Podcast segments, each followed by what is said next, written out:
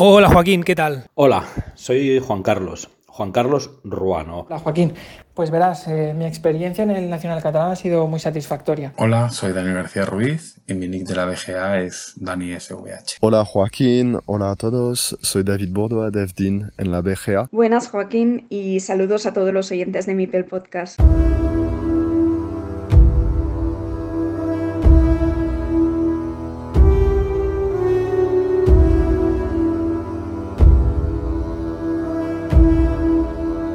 Welcome to Carcassonne.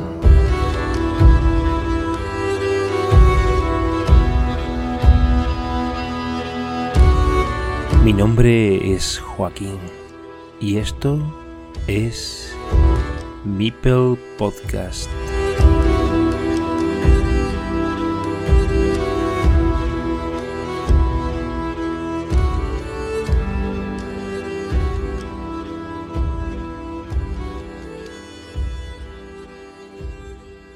Bienvenidos a Mipel Podcast. Antes de comenzar este capítulo, tengo que decir que me sorprende la grata calidad humana de todos y cada uno de los participantes del Campeonato o Nacional Catalán de este 2022 a los que se ha peticionado su colaboración, ya que he visto sobrepasadas mis expectativas de una manera bestial.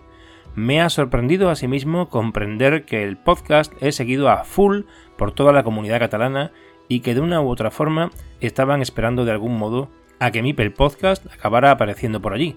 De hecho, hay novedades para septiembre en este ámbito, y me parece muy interesante darlo a conocer, pues el trabajo que desarrollo con un enfoque personal va encaminado sin duda a la comunidad de Carcassonne en general, a pesar de que mira de cara a Carcassonne Spain por ser miembro activo dentro de esta comunidad.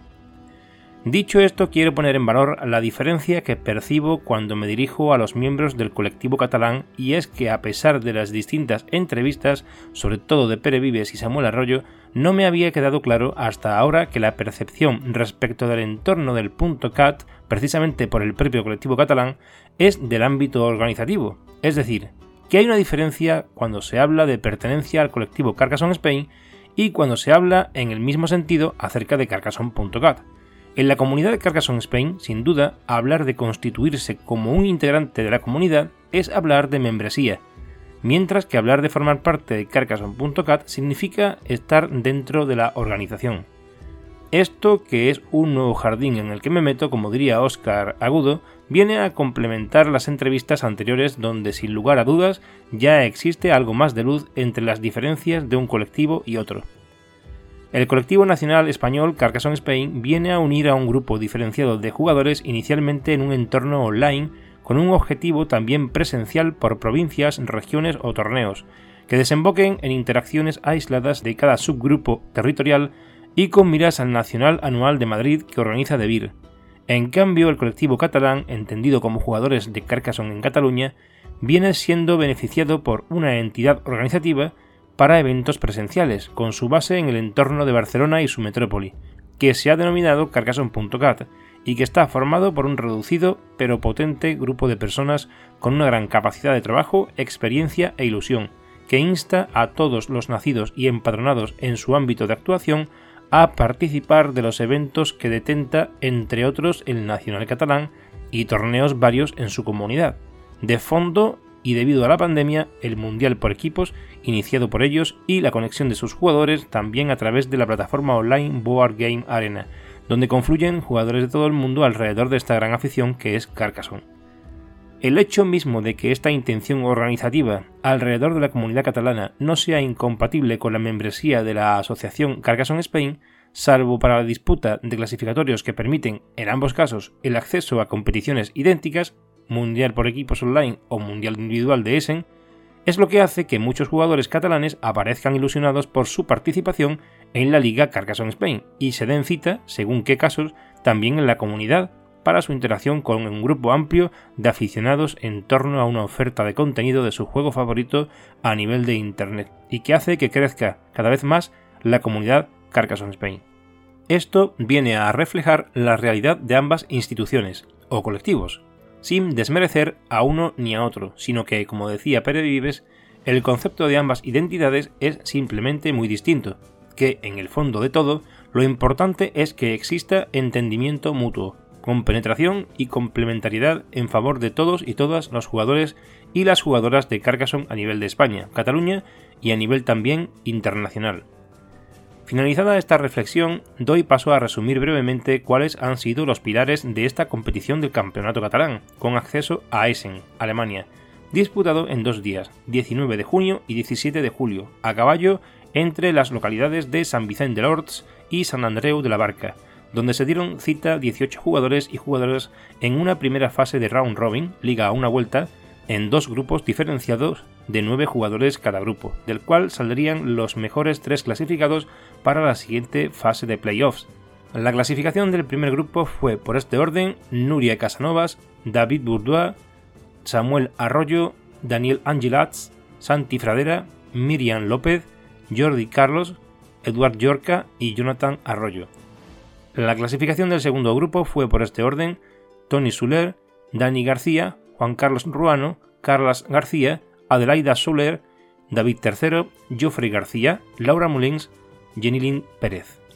De esta fase salieron los primeros clasificados Nuria y Tony directamente para semifinales, y los otros cuatro clasificados, segundo y tercero de cada uno de los grupos, enfrentados en un cruce de segundo contra terceros en ronda previa de cuartos de final. Los cruces fueron Samuel Arroyo, tercero del grupo 1, contra Dani García, segundo del grupo 2, y Juan Carlos Ruano, tercero del grupo 2, contra David Bourdois, segundo del grupo 1. De estos enfrentamientos salieron vencedores los segundos puestos de la primera fase de ambos grupos, es decir, Dani García y David Bourdois, que previsto ya en los emparejamientos de cruces, no podían enfrentarse a sus rivales de grupo de la primera fase hasta una hipotética final. Por lo que las semifinales a disputarse fueron Nuria Casanovas contra Dani García y Tony Suller contra David Bourdois.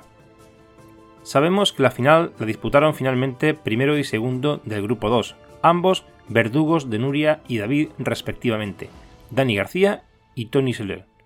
El campeón finalmente fue Tony, en lo que ha venido a ser una final a tres partidas de infarto, en la que se impuso Tony alzándose con el billete para Essen el próximo octubre de 2022.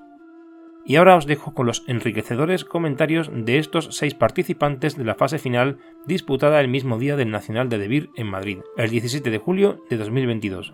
Comienzan hablando, por orden de salida de la competición, Juan Carlos Ruano y Samuel Arroyo, seguidos de Nuria Casanovas y David Bourdois, para culminar con Dani García y Tony Suler. Gracias por haber estado ahí y gracias enormes a la contribución de todo el colectivo catalán. Hola, soy Juan Carlos, Juan Carlos Ruano. Y hace unos días Mipel Podcast se puso en contacto conmigo para que le explicase mi experiencia en el Campeonato de Cataluña de Carcassonne de este año 2022. Y si me hubiese dicho, eh, defínelo con una palabra, me vendrían muchas a la cabeza. Pasión, experiencia, eh, colaboración, pero la que define la organización de este torneo es profesionalidad. He participado en diferentes eh, torneos, en físico, eh, hasta incluyo también las finales nacionales de Carcassonne organizadas por Debir en Madrid, pero eh, ninguna, ningún otro torneo en el que he estado tenía la organización que, ha demostrado tener eh, Carcassonne.cat eh, organizando este torneo. Donde cada detalle ha estado súper cuidado, tanto a nivel de organización como de reglamento. empezando por el principio, se hizo el torneo comenzó con una liguilla que debido al número de participantes se dividió en varios grupos. ¿vale? En, este caso se hicieron dos grupos. Yo estaba en el grupo B.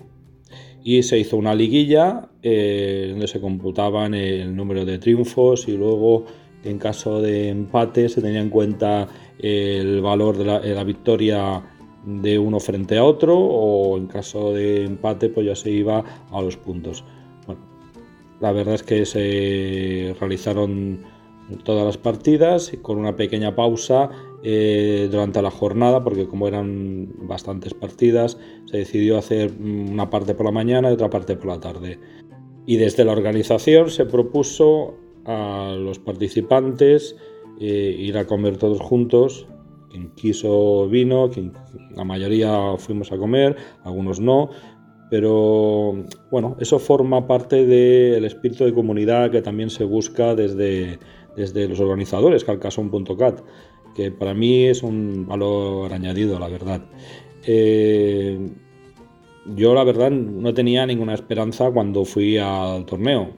No porque no pudiese ganar partidas y clasificarme, que sí lo creía posible, porque vamos, eh, otras veces he ganado algún que otro torneo.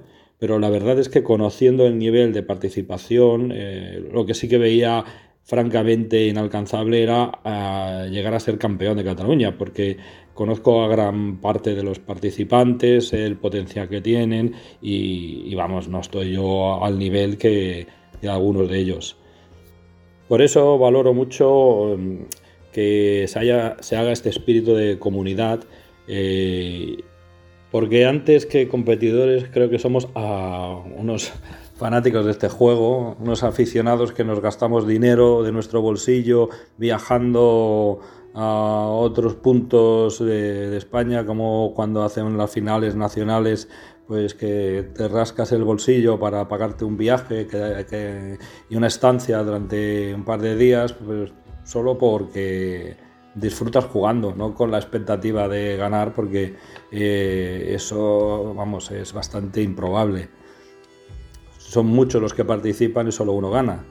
Esta vez lo teníamos más cerca porque lo hacíamos al participar en el Campeonato de Cataluña. Eh, bueno, eh, lógicamente el desplazamiento era más corto, pero bueno, la pasión está ahí y yo creo que, todos los que participamos eh, hacíamos gala de, eso, de que somos unos enamorados de este juego y lo disfrutamos. Eh, la primera parte del torneo, eh, ya he comentado, pues fue una liguilla. De allí salieron los tres eh, primeros de cada grupo, que son los que irían a las eliminatorias finales. Se eligió un sistema, bueno, para los aficionados del deporte, pues como se hace en balonmano o en, o en baloncesto, eh, a los primeros de grupo pues pasan directos a, la final, digamos, eh, o a las semifinales en este caso, y los demás enfrentan el, segundo de un, grupo contra el tercero del otro y viceversa.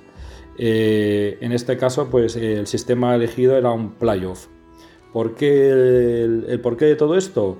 Porque, bueno, porque lo que se busca es minimizar el factor suerte. Mm, todos hemos tenido un día de esos inspirados que parece que, nos salga todo y, nos sentamos bastante imbatibles, ¿no? Y otro día de que no te sale nada y, dices, no soy capaz de ganar a nadie. Pues lo que buscamos es eso, que el que tenga un sistema de juego que sea estable, que, controle eh, todos los factores, pues que tenga más posibilidades de, de ganar, que sea un jugador más completo. Y por eso se buscó este sistema, un sistema en el que eh, jugando en las eliminatorias, un sistema de playoff de, al mejor de tres, o sea que tienes que ganar dos partidas para, pasar la eliminatoria o ganar el campeonato. Bueno, eh, se desarrollaron las partidas, yo jugué, quedé tercero, jugué contra el segundo del grupo A, David Bourdois. Eh, fueron unas partidas muy equilibradas, las tres. La primera la ganó David, la segunda la gané yo y en la tercera, pues David tenía, estaba estábamos muy igualados, tenía ligera ventaja, pero él tenía un proyecto de ciudad, dependía de, un mazacote con camino para cerrarla y ahí hacer 26 eh, eh, puntos. Y entonces, bueno, en las últimas cuatro losetas le salió y, ahí ya, pues, eh, bueno, me ganó y, se clasificó para las semifinales. La verdad es que fue una partida muy igualada. Luego las semifinales me decepcionó un poco porque mm, confiaba en él, porque sé que es un grandísimo jugador y se enfrentó a otro grandísimo jugador. que al final sería el ganador, Tony Sule. Pues mm, Tony consiguió llevarse las dos partidas y hizo un 2-0.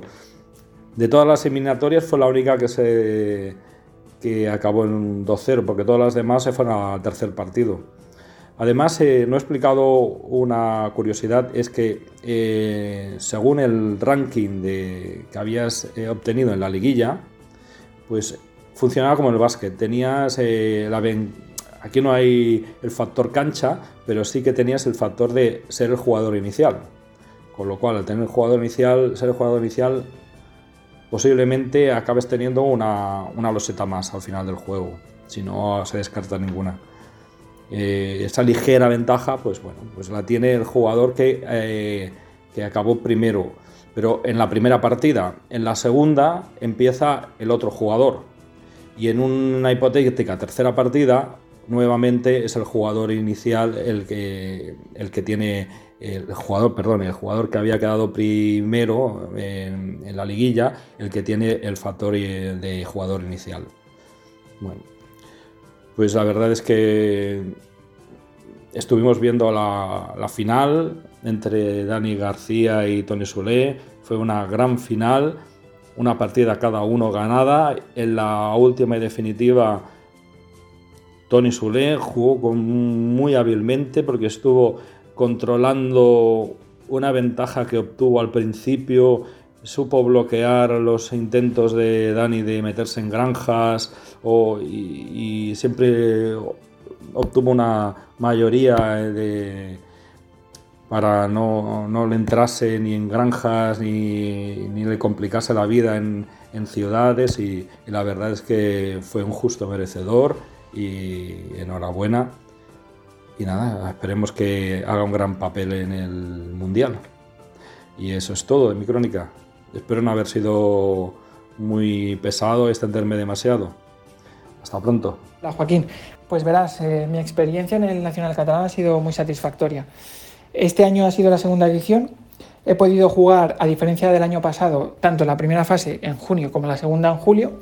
Nosotros teníamos las fechas ya fijadas en mayo y David finalmente a posteriori eh, ya publicó la fecha definitiva del Nacional de Madrid eh, bastante ajustada y ha coincidido con la nuestra y también ha coincidido que el 19 de julio también se jugó el eh, del Mundial Online la final.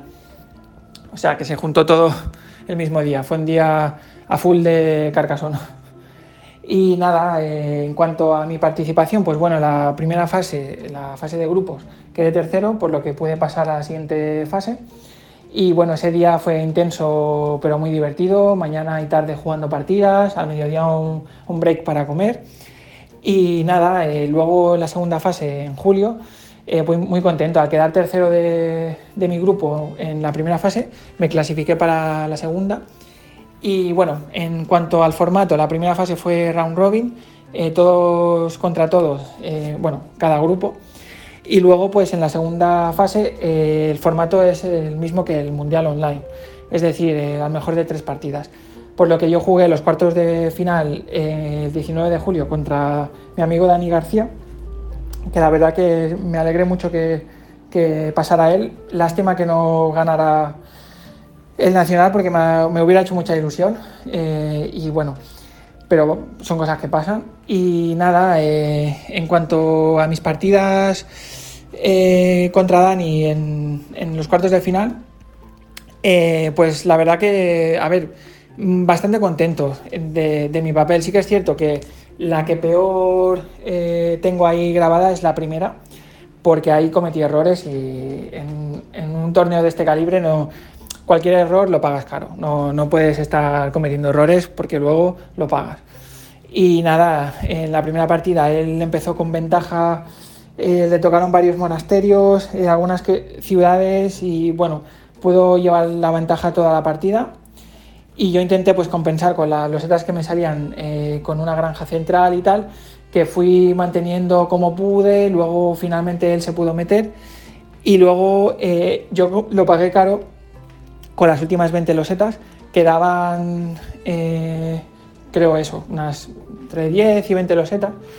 Eh, y bueno, tumbé dos futuros eh, posibles granjeros para meter en la granja y resulta que ya habían salido las nueve curvas. Yo contaba ocho en, la mesa todo el rato, asegurándome que no hubieran salido las nueve y finalmente sí que habían salido las nueve. Sí que es verdad que la, edición esta de C3 me recuerda bastante a C2 en algunos aspectos y que las curvas, algunas no sean completamente curvas, sino como unos zigzags que según cómo esté la posición de la loseta parece como medio una recta. Entre eso y los nervios hubo una curva ahí escondida que, que se me pasó. Yo la veía como una recta y era una curva, para que veas un poco eh, cómo tienes la mente en, en según qué situaciones, pero bueno. Y nada, esa es la partida que, que peor recuerdo, que no, no, me gustó porque jugué fatal y no, y luego, pues eh, lo típico, al ser este tipo de formatos, pues me, mentalicé, venga, va, eh, ahora a jugar bien, sin errores. Y bueno, la partida fue muy ajustada. Eh, íbamos, o iba avanzando yo, iba avanzando él. me iban saliendo monasterios, también pude cerrar una ciudad, él compensaba con otros puntos, con otras estructuras y bueno, pues íbamos ahí, ahí y finalmente me la llevé yo. No de mucha diferencia, pero bueno, eh, fue, fue la mejor partida que, recuerdo de, cuartos. Y luego, pues la tercera, lástima porque empezó él cerrándose una ciudad de 18 puntos y no pude hacer nada para evitarlo. Y bueno, ya sabes que cuando hay nivel y, tienes alguna ventaja, la sabes aprovechar y, luego pues no hay eh, quien pueda eh, al menos igualar la ventaja. Él se pudo cerrar dos ciudades, una de 18 puntos y otra de 18 puntos que, fue a mitad de partido o así, y esa ventaja de 40 puntos más o menos la mantuvo toda la partida. Yo fui haciendo puntos, fui haciendo cosas y tal, pero esa ventaja de 40 puntos no, no, pude, no pude contrarrestarla. pero bueno, es lo que hay, esto es carcasón y, bueno, puede pasar cualquier cosa. Las ventajas a veces eh, son, eh, pues bueno, juegan a tu favor, son favorables y si puedes eh, mantenerlo toda la partida, pues, pues ya está. Y nada, Joaquín, pues eso es un poco el resumen. Muy contento de mi participación y de torneo en general. Buenas, Joaquín, y saludos a todos los oyentes de Mipel Podcast. Soy Nuria y os voy a contar un poco cómo viví en Nacional Catalán. Pues bien, este año llegué al torneo muy ilusionada por varios motivos, además de los obvios como son poder codearse presencialmente con jugadores de mucho nivel y tener la opción de representar a Cataluña en Essen. Personalmente me hacía mucha ilusión poder encontrarme con unos cuantos jugadores de la selección catalana, porque este año yo era la capitana y el día de la primera jornada en Nacional Catalana aún estábamos en medio del Mundial Online y además consiguiendo buenos resultados. Así que fue un motivo más de celebración, podríamos decir un poco colateral, pero que también formó parte de la experiencia. Y nada, yendo más al grano, eh, el primer día hicimos el, el, sorteo y el nivel de los jugadores del grupo que me tocó era bastante para asustarse, la verdad. Éramos cinco jugadores de la selección, más Daniel Angelats, David Bourdois, Miriam López y Jonathan Arroyo. Y además, las dos primeras partidas que me tocaron a mí, pues tenían mucha carga emocional, porque la primera fue contra Dani Angelats, que es amigo mío y compañero de entreno, y este año los dos hemos mejorado mucho justamente a raíz de jugar juntos. Y mi segundo rival era David Bourdois, que además de estar entre los mejores jugadores del mundo desde hace mucho tiempo, es uno de mis principales referentes y el año pasado había sido mi capitán en la selección. Y bueno, la primera, la partida contra David eh, es la que recuerdo con mayor claridad de todo el torneo, porque es que no es solo la que disfruté más ese día, sino diría de todo el año y una de las que más de la historia, porque es que fue increíble. No sé, una partida elegante, mm, creativa, sin bloqueos, con previsión de movimientos a largo plazo, con los dos viéndonos unas intenciones que no eran especialmente obvias contando las piezas necesarias sin equivocarnos y eso, pues no sé, jugando con visión. Y es una de esas partidas en las que el resultado es lo de menos. Y creo que ambos la disfrutamos mucho.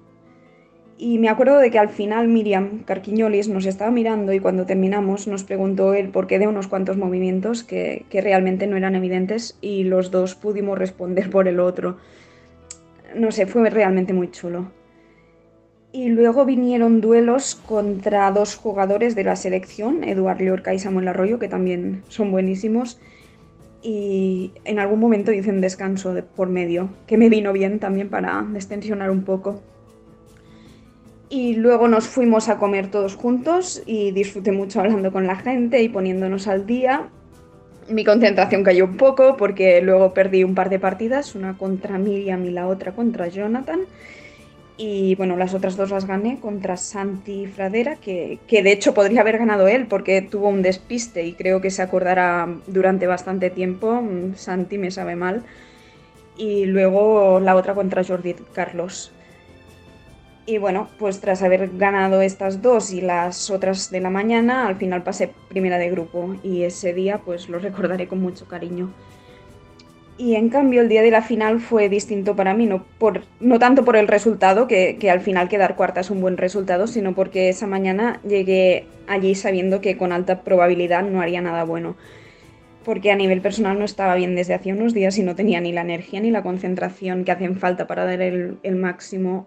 Y no sé, aunque llega un momento en el que eres capaz de jugar, digamos, un poco con piloto automático razonablemente bien, pues cuando tienes delante a jugadores realmente buenos o estás al 100% en todos los sentidos o tus opciones sabes que se reducen a que tu rival, por el motivo que sea, esté tan descentrado como tú o a que la suerte te acompañe pues más allá de lo razonable.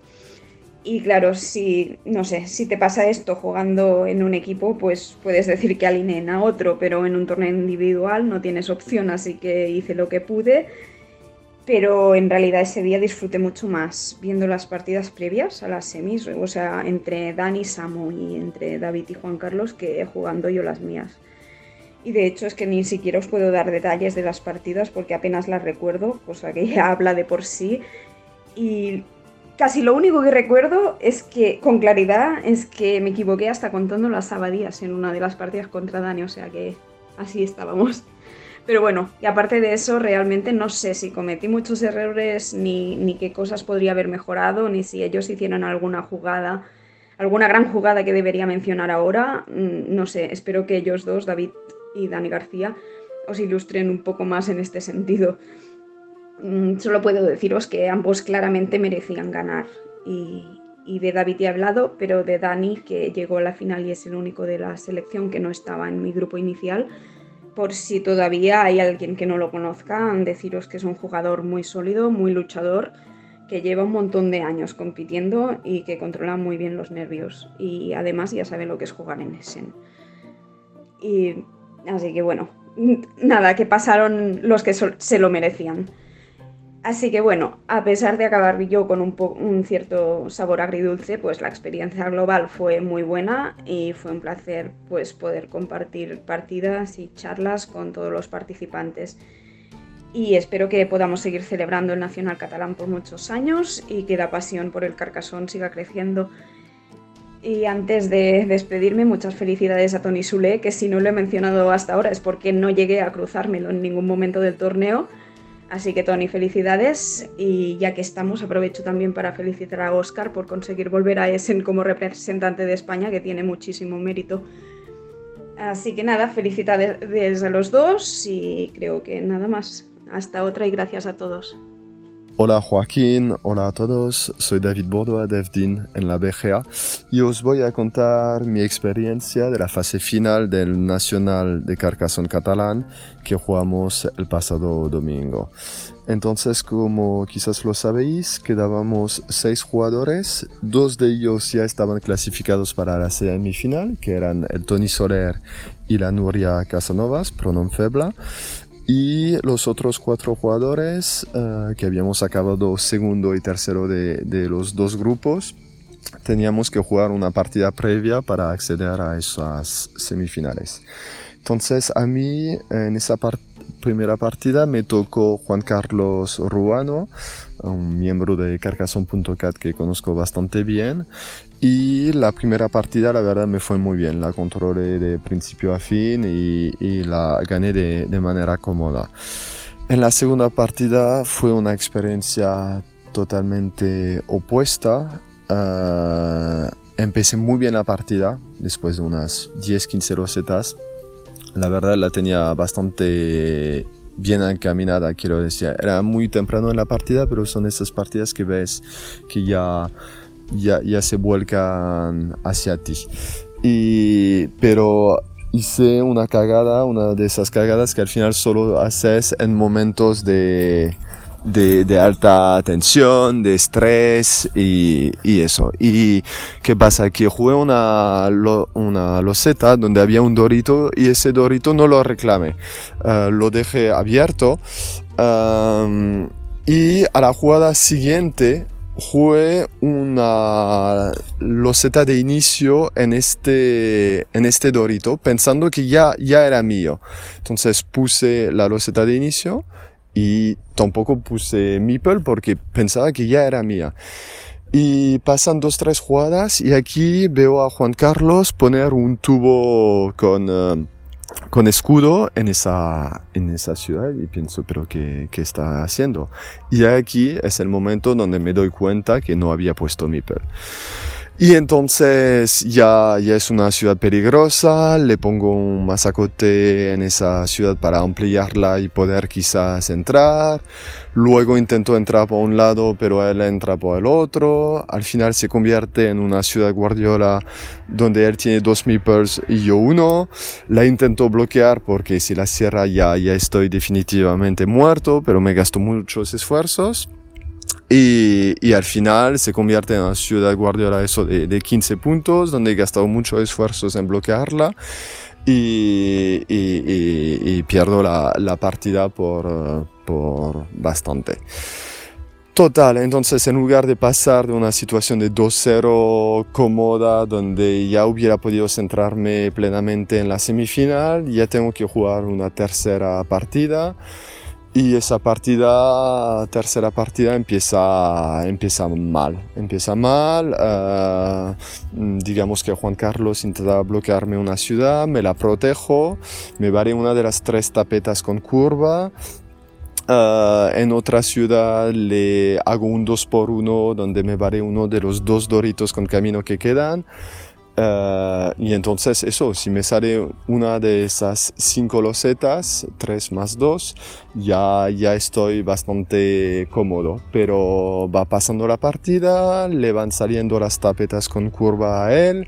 De hecho, le salen las 3, entonces esta ciudad de dos puntos me la quedo, se queda colgada y uh, le sale a él el primer dorito con, uh, con, camino. Entonces aquí estoy al borde de la eliminación y solo me vale uh, el último dorito.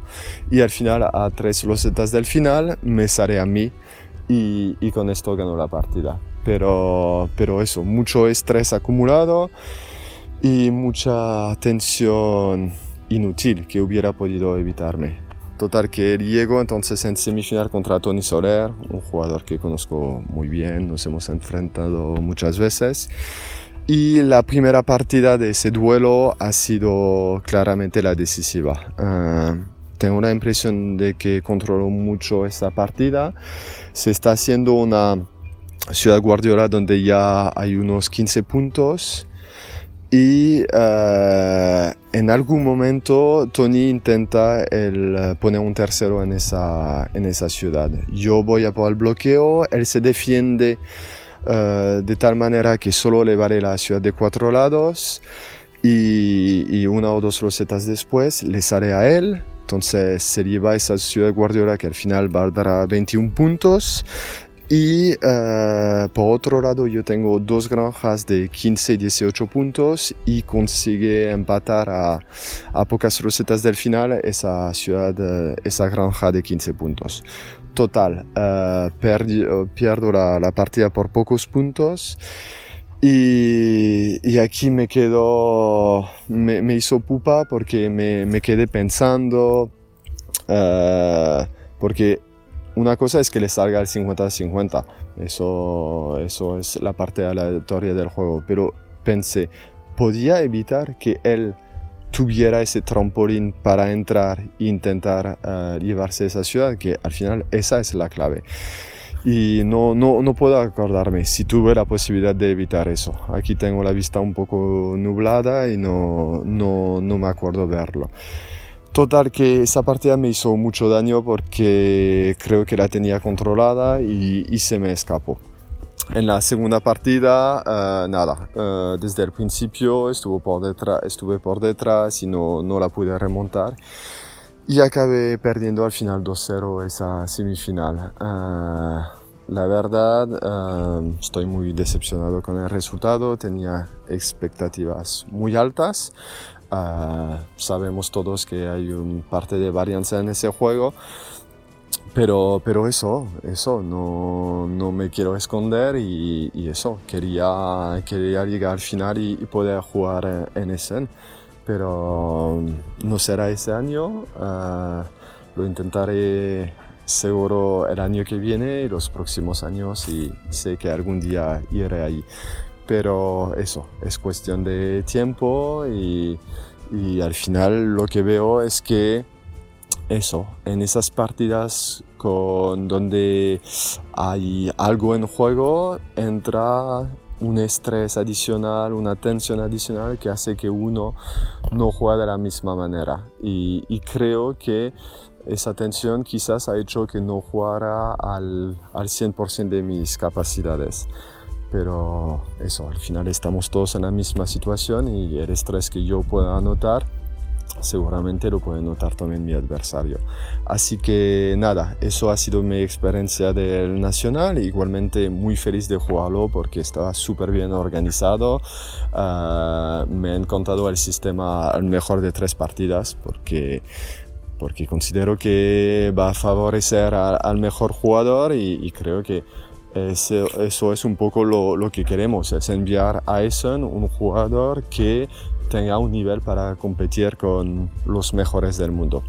Así que nada, uh, mucha suerte a, Tony Soler uh, en Essen y también mucha suerte a Oscar Idis, que seguiremos con mucha atención uh, estos dos jugadores.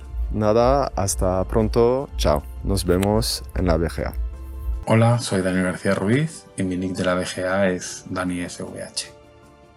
Y bueno, os voy a contar un poquito mi paso por el Campeonato Nacional Catalán de Carcassonne y mis sensaciones en este torneo. Primero, la verdad, valoro muy positivamente el, el, poder volver a realizar torneos presenciales, donde puedes jugar cara a cara con tus rivales y sinceramente es un plus a los torneos online que si bien es cierto que, que han ayudado mucho en este par de años bastante difíciles por el COVID, no es lo mismo que estar en, en físico. Respecto a, al campeonato catalán, pues a mí me gusta el formato que tiene porque creo que es muy equilibrado.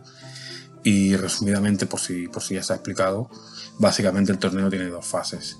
Una primera fase de clasificación, donde se prima que cada participante pueda jugar el máximo de partidas posibles para, digamos, eliminar un poquito el factor suerte. Eh, los seis mejores clasificados juegan un cuadro final dividido en, cuartos de final, semifinales y, y la gran final. Eh, por el número de participantes hicimos dos grupos en un round robin, o sea, un todos contra todos de cada grupo. Y los mejores de cada grupo pues pasaban a, a, semifinal directa. Y los segundos y terceros jugaban entre sí los cuartos de final. Y bueno, a mí personalmente me fue bastante bien la ronda previa, donde quedé segundo de mi grupo con posibilidades de haber quedado primero. Pero bueno, un empate me privó de, ese privilegio y pues pasé a tener que jugar los cuartos de final contra, contra Samuel Arroyo, que quedó tercero de, del otro grupo. En, los cuartos de final, que ya se juega otro día diferente, pues tiene la particularidad de que los duelos son al mejor de tres partidas. Es decir, que, que tienes que ganar dos partidas al rival para clasificarte. Cosa que también me parece genial, también un poquito, como hemos dicho antes, pues para minimizar el factor de, mala suerte o, una partida tonta que, a veces te sale. Y eso, eh, lo dicho, jugué contra Samuel y bueno, a estos niveles pues ya sabemos todos, puede ganar cualquiera.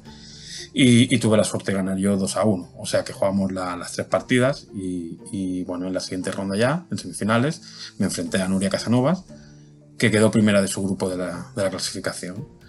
Y bueno, un poquito de lo mismo, muy igualado todo, podría haber pasado cualquiera de los dos, pero, pero mismo resultado, pasé yo 2, 2 a 1.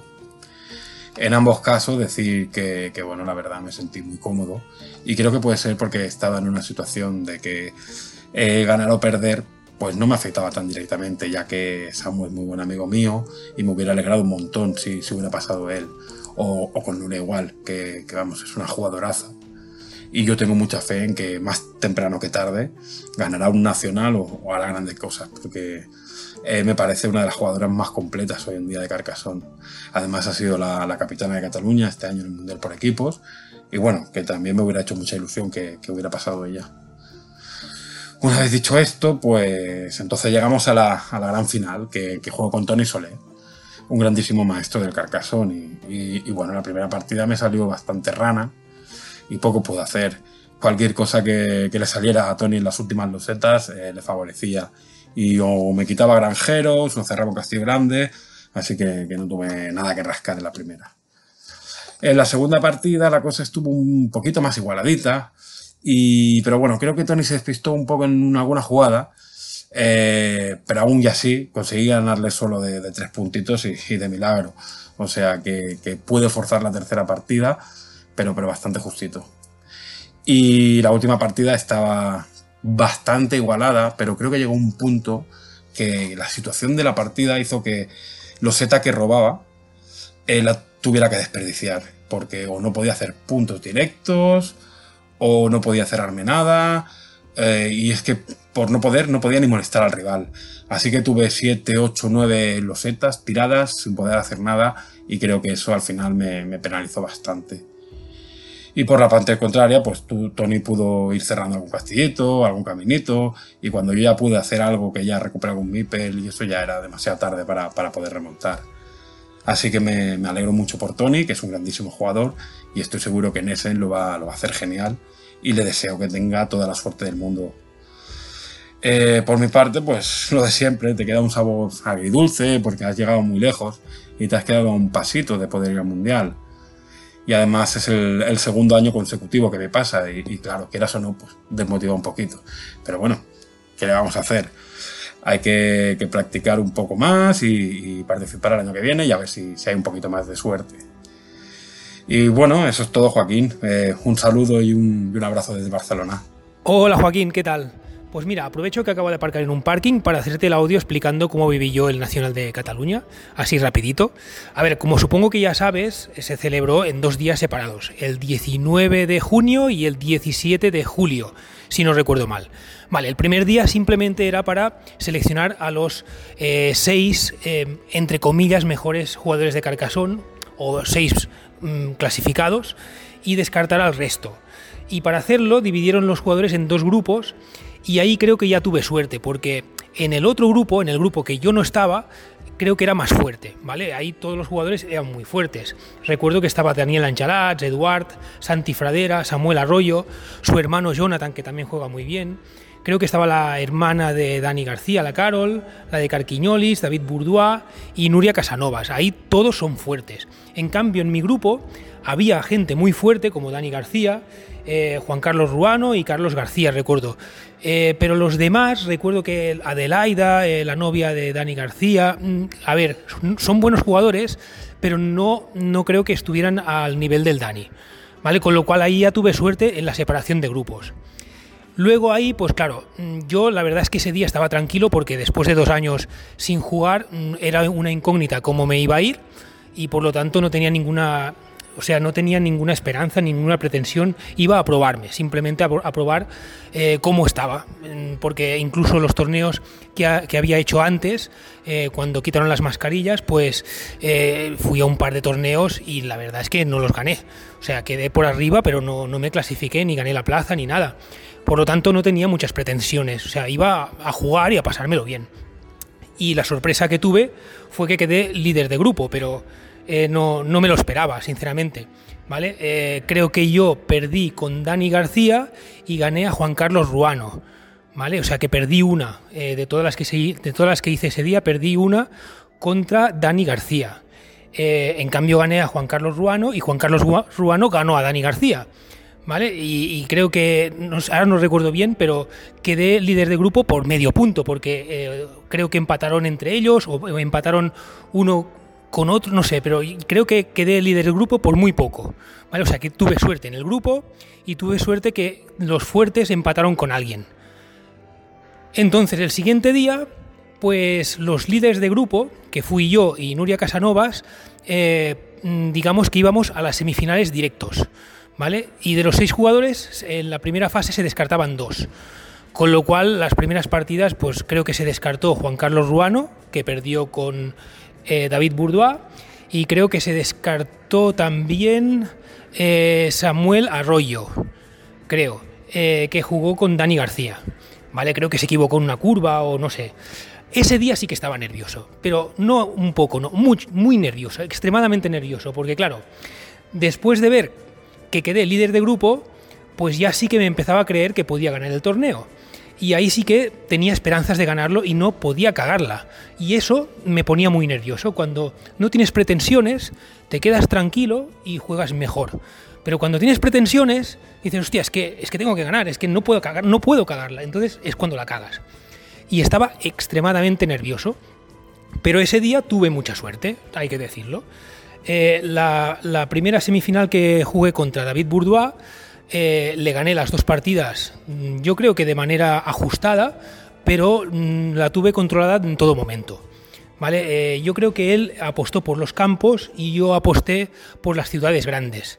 Y, claro, me llevé a las ciudades grandes y aunque él si llevara los campos, pues no, no, podía, no podía alcanzarme en puntos. Yo creo que ahí las tuve mm, relativamente controladas las partidas no creo que cometiera demasiados fallos en esas dos primeras partidas. También es verdad que David Bourdois, que juega súper bien, eh, ya llevaba en su espalda tres partidas y yo ninguna. Yo, venía fresco y él no. ¿Vale? Eso también, también cuenta. Y eh, la final con Dani García, que era el mejor a tres partidas. La primera partida le gané de manera cómoda. Creo que tuve suerte con las losetas. Eh, e incluso le podía haber ganado de 40 o 50 puntos porque eh, en el último momento él tenía un campo de 30 puntos y yo le llevaba una ventaja de unos, no sé, unos 15 puntos, una cosa así. Si él se llevaba al campo, ganaba. Y si se lo quitaba, ganaba yo. Pero me salió una loseta en la que yo podía cerrar una ciudad, creo que eran de, de, de 14 puntos, y encima me tumbaba llevándome 6 extra. ¿Vale? En total que eran unos 20 puntos. Pero con esa misma loseta también podía entrar en el campo de 30 y entonces tenía 30 puntos. Tenía que escoger entre 30 puntos o 20 puntos. Y en ese momento elegí entrar en el campo y asegurar la partida. Pero si hubiera cerrado, yo creo que aunque él hubiera contado los campos, tampoco me pillaba. Pero es que en la siguiente loseta, que era mi última, también hubiera podido entrar en el campo. O sea que hubiera podido conseguir los 20 puntos extra más los 30. Eh, al final de la partida con las últimas dos losetas. Pero en ese momento yo no contaba demasiado, vi que podía entrar en el campo de 30 y ganar y no me la jugué. Entré y punto, y ya está. En la siguiente partida vas a flipar, pero vas a flipar un montón. Nada, eh, cuando estábamos al principio de la partida, creo que llevábamos como 8 losetas puestas en la mesa, me sale una loseta en la que yo podía bloquearle a él o bloquearme a mí mismo. Se me cruzaron los cables y mm, esos son los nervios. Con los nervios me pasan dos cosas. Cometo errores y hablo muchísimo. No paro de hablar. La Miriam Carquiñoles estaba viendo la partida y flipó. Y verbalicé, hostia, no sé si bloquear a este Mipel, que era el suyo, o a este otro Mipel, que es el mío. Y va y bloqueo, aposta mi propio Mipel. Me autobloqueé, me marqué un gol en propia, en propia puerta flipando. La, la Carquiñolis flipando. Pero claro, como estaba de espectadora, no podía decir nada. Y anda que se lo pensó dos veces el Dani. Solamente eh, iniciar el bloqueo, el Dani me, puso una loseta para terminar de bloquearme mi propio Mipel, que yo había colaborado en bloquear. O sea, es que me, me confundí. Soy daltónico, pero no sé, en ese momento no, no, es, no es, por culpa del, del, daltonismo. Es que, es que no sé, no sé qué me pasó. Se me cruzaron los cables, yo digo que son los nervios. No me había pasado nunca en ningún torneo, jamás de confundir mi MIPEL eh, como el, con el MIPEL del contrario y me autobloqueé. Claro, cuando me di cuenta, hostia, no sabía dónde meterme, porque un error así en el Nacional de Cataluña es imperdonable. O sea, es que te vas a acordar en toda, tu puñetera vida. Y como pierdas el torneo, entonces te acuerdas doble, doblemente. O sea, no podía, no podía perder el campeonato después de ese error. Pero me estaba cagando en los muertos que me parieron por, por, por por cometer ese error. Pero ¿cómo, ¿cómo, es posible? No me lo podía ni creer yo mismo. ¿Cómo narices me autobloqueo a mí mismo? Entonces tuve que hacer un esfuerzo de hacer un reset y decir, vale, pues a ver si eres capaz de ganar con un Mipel menos. Y casi le gano, o sea, estuve a tres puntos de diferencia. Me concentré y estuve a tres puntos de diferencia, pero estuve cagándome en todo lo que se menea toda la partida por ese error. Claro, la primera la gané yo, la segunda la ganó el Dani por culpa de mi error. Y la tercera, digo, ahora sí que ya no la puedo cagar, me tengo que concentrar al máximo y ganar. No puede ser que pierda, porque como pierda este error, lo voy a, bueno, es que lo voy a arrastrar toda la puñetera vida. No puedo perder. Entonces me, me concentré y la verdad es que tuve suerte. De la misma manera, la, la, la, la, falta de suerte que me pasó con la partida de Jaime en el 2019, que no paraban de salirme rectas y curvas, pues en esta, la última con Dani, no paraban de salirme tapetas. Al final, David III me dijo, te voy a llamar Tapetaman. no paraban de salirme tapetas y las iba aprovechando. Cuatro puntos por aquí, cuatro puntos por allá, cuatro puntos por allá, me tumbaba por aquí, me tumbaba por allá. Y al final, pues eh, es que Dani no, no, pudo hacer nada porque es que me salió bastante de cara la partida, la verdad. Y gané, pero gané por suerte. O sea, gané por suerte. Es decir, gané a pesar de la mega cagada que hice en la segunda partida con Dani. A pesar de que jugara mal, de que no me concentrara del todo bien en las dos últimas partidas con Dani, aún así gané, pero por suerte. Si yo me concentro y estoy tranquilo, juego muy bien, pero como me ponga nervioso o no esté del todo concentrado, puedo llegar a jugar muy mal. Y ese es, ese es mi punto flaco, que no soy demasiado regular. Depende del día que me pille, puedo jugar muy bien o puedo jugar muy mal.